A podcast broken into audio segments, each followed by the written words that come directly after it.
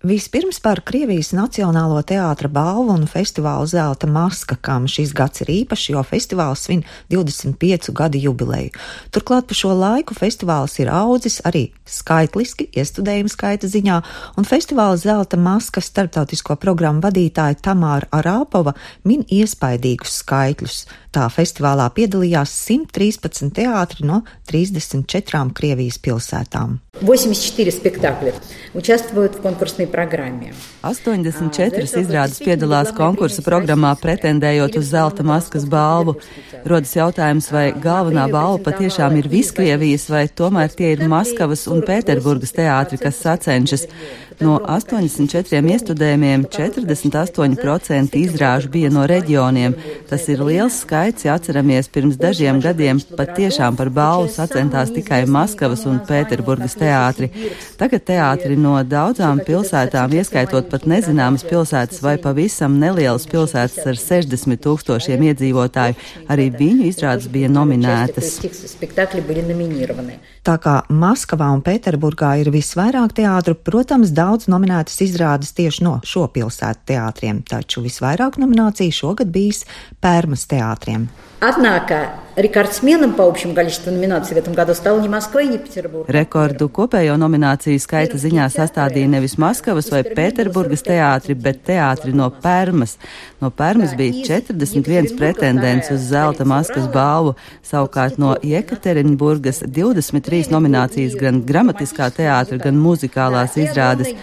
Plaša dalībnieku geogrāfija no Murmanskas un Pleskavas līdz Ulanudei un Jakutskai. Aprīļa vidū mūs sasniedza ziņa, ka Kirillis Rebreņikovs iegūs Krievijas teātra galveno teātra balvu Zelta maska kategorijās labākais drāmas režisors un labākais balets.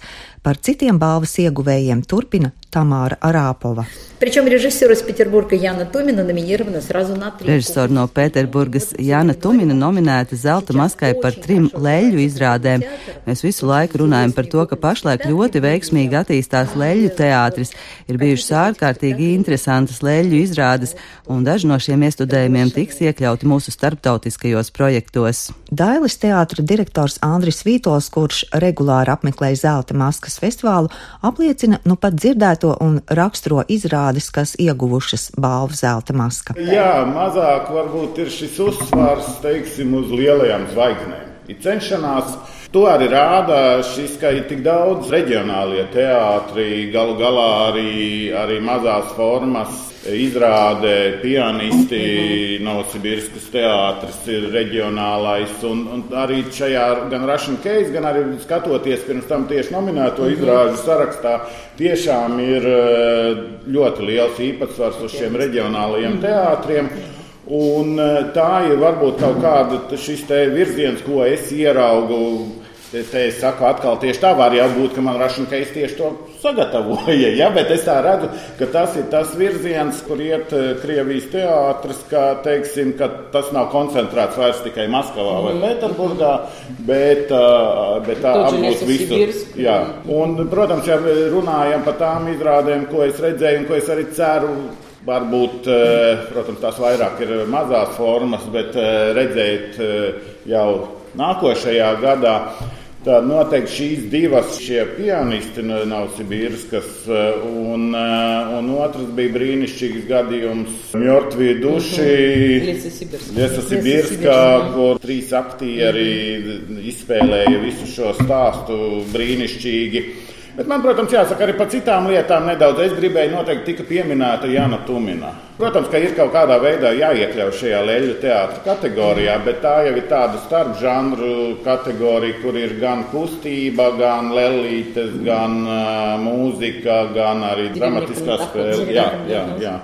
Latvijas Kultūras akadēmijas profesors teātris zinātnieks Jānis Siliņš par saskatītajām tendencēm Krievijas teātros sāk ar izrādēm, kurās izmanto lēles. Un, protams, ka tagad tas, ko Jānis Tumins minēja, jā, nu, tas ir darbs, tas ir jautājums. Jā, jo tā jau nav tikai leļu, tā nav tikai objekta izrāde. Viņi ir, un mēs vien arī redzējām, kas nebija viņas pašas, laikam, citu režisoru veidot, kas bija par tādiem, vienu kaut kur priča, viens stāsts par to, ka aprecēties var tikai tad, ja pāriet pār aizu, pār stiepli Tas nu, ļoti skaists, varbūt sentimentāls, varbūt maigs un neticams, bet ļoti interesanti atrisināt sevi aktieriem, ar lēlēm, ar lietām, ar priekšmetiem, objektiem un tā. Un tā tas ir tas veids, ko vajadzētu. Jā, jo kāpēc? Tāpēc, ka mums arī akadēmijā tagad beidz leju teātra kursus un, un, un ir tendences jau pēdējos gados parādījušās, ka ir nu, tradicionāliem trosu lēlēm vai galda lēlēm ir cita veida un cita arī domāšana kā var izmantot. Un tas, nu, cerams, nākamā gadā, jo zelta maska jau ir, ja tu tagad pavasarī redzi, tu nevari viņu uz rudeni dabūt. Tas viss ir organizatorisks, menedžmenta, loģistikas lietas un tāds. Bet eh, arī šeit, arī tajā pašā seriožā tiek izmantots tas, ko pēc tam arī mums šeit vairāk šogad izmanto Lēli. Ja, bet Krīmavam tā ir bijis vienmēr. Ja? Un šeit viņi ir ārkārtīgi, nu, ārkārtīgi precīzi izmantot vispār un kā tas notiek. Un tas ir tāds papildus slodzi, nes visu to domu, to ideju, jo kā tas beigās atrisinās, tas ir jāredz skatītājiem. Tas teātris, kā Krimovs piedāvāja, tas, kas mums nav. Tādā formā nav. Mums ir kaut kāda, tad, kad grib pārfilozofēt, pārgudrot, pārspiest. Ja, ja skan kāda muzika, tad viņu gāzt virsū līdz tam, ka ir apnicīgumam. Bet Krīmaus māk ļoti smalki sabalansēt visas tās lietas. Tas ir pilnīgi cits.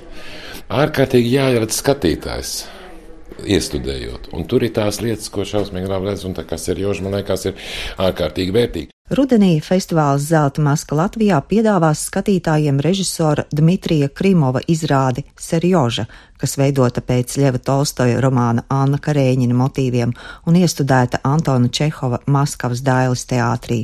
No jaunākajām un Zelta maskas balvu ieguvušajām izrādēm tiek minēta izrāde Pianisti teātris Globus no Novosibirskas. Tas ir drausmīgi traģisks stāsts. Tas ir šausmīgi. Tas ir īsti skandināviski, pilnīgi zemapziņā tāds dūcošs iekšā, kas man nu, arī neskatos labprāt. Bet tas, kā šie viņi spēlēja, tajā ļoti skandināviskā ritmā, ārkārtīgi. Zini, nepazīstami aktieri, liekas, no Novosibirskas atbraukšu, atnāk, uznāk, un liekas, nu, nu jā, nu, aktieri, jā, jā, jauni. Nu, Tur daži tikai vecāki. Nu, ka, kā viņi tādā, tā muzika tur tā ies, ietendētie iekšējā ritmā, nevis ārējā muzikalitātē, bet iekšējā ritmā. Un kā viņi to tik vienkārši savā ziņā, tik organiski, ar atsvešinātību un nevis tiešā dzīvajā procesā. Dažreiz dzīvajā, bet principā pat gan arī dialogā nesarunājoties. Nu, kā mēs esam pieraduši, kā to ļoti divdaļīgo, apjomīgo, ārkārtīgi meistarīgi pārstāsta. Nu, attaino, ne pārstāsta, nu, rada to skatuves izteiksmi. Saka, tāda būtu, jo mēs no sevis teātrī neesam redzējuši. Pianisti ir zelta maskas laureāte un atliek cerēt, ka kaut kad to atvedīs arī uz Latviju. Vēl Krievijā bez leļu izrādēm pašlaik ļoti attīstās mūzikli. Ar ko tas saistīts, tas ir jāpērta teātra kritiķiem un pētniekiem, taču tas tā ir. Pašlaik paralēli rit arī zelta maska Igaunijā, un tur nesen uzsākta biļešu tirdzniecība, un ar izbrīnu organizatori secinājuši, lai arī tiks rādītas lieliskas dramatiskā teātra izrādes, taču mūzikls Kankans no Sanktpēterburgas Pēterburgas ir apsteidzis. Bet turpinājumā par tuvāko šī gada zelta maskas Latvijā programmu. No 19. līdz 28. oktobrim skatītājiem Latvijā būs iespēja noskatīties jau minēto režisoru Dmitriju Krimovu debiju Čehova Maskavas Dailes teātrī Serjoža, redzēsim divus Latvijā pazīstamā režisora Konstantīna Bogomolova darbus. Tovstonogova lielajā dramatiskajā teātrī tapušo izrādi Slava un Maskavas Dailes teātra izrādi Vīri un sievas pēc Vudija Alena darba. Vēl Latvijas skatītājiem būs iespēja redzēt Puškina Maskavas dramatiskā teātra iestudējumus no arotskolas, režisors Semjons Serzins un solījums rītausmā Alekseja Kuzmina Tarāsova režijā. Izrādes slavas skatītāji sadalījās ne tikai divās grupās, to bija daudz vairāk. Nevelti saka, ka Krievijā ļoti bieži atgriežas arī teātrī pie vecajiem laikiem jaušama nostalģija, taču īstenībā tā ir vēlme analizēt, atgriezties un citādi attiekties pret pagājušo laiku. To, ko Konstantīns Bogomolovs saka par savu izrādi un ko patiesībā ir ielicis un ko var nolasīt, jo viņa darbos nekas nav nejauši ir divas patiesības. Kā mākslinieks viņš šajā darbā ielicis vairākus slāņus. Liepājas teātra direktors Herberts Lauksteins pirms nu jau vairākiem gadiem pamanīja un uzaicināja uz Liepājas teātri tolaik maz zināmu režisoru Konstantīnu Bogomolovu. Redzētās jaunākās viņa izrādes liek secināt.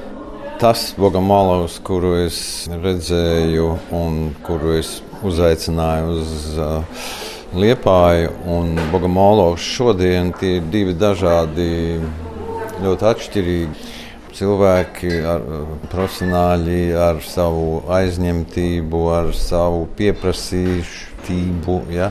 Nu, viņš ir izaudzis milzīgs. Jo es jau sākumā redzēju divas mazas izrādes tabakērkā, pagrabā, vecajā tabakērkā. Šodienas Bogomolos nav tas. Jā, tā Tabekerkas izrāde bija arī atvest uz Latviju.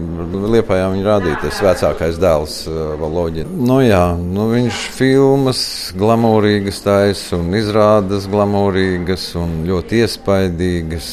Viņu dabūt uz provinces Liepāja ir grūti. Bija paredzēts, ka Jūnijā notiks pirmizrāde Čehova ķirša dārzam, ko Bogamolovs iestudēs Liepājā, bet, diemžēl, tur būs cits režisors. Es tagad neatklāšu, kas, bet kā, bet Bogamolovs tur nebūs. Tur būs tāda grupa, kurā tāda arī internacionāla grupa, kur gan latvieši, gan, gan no Krievijas, no Maskavas mākslinieki būs.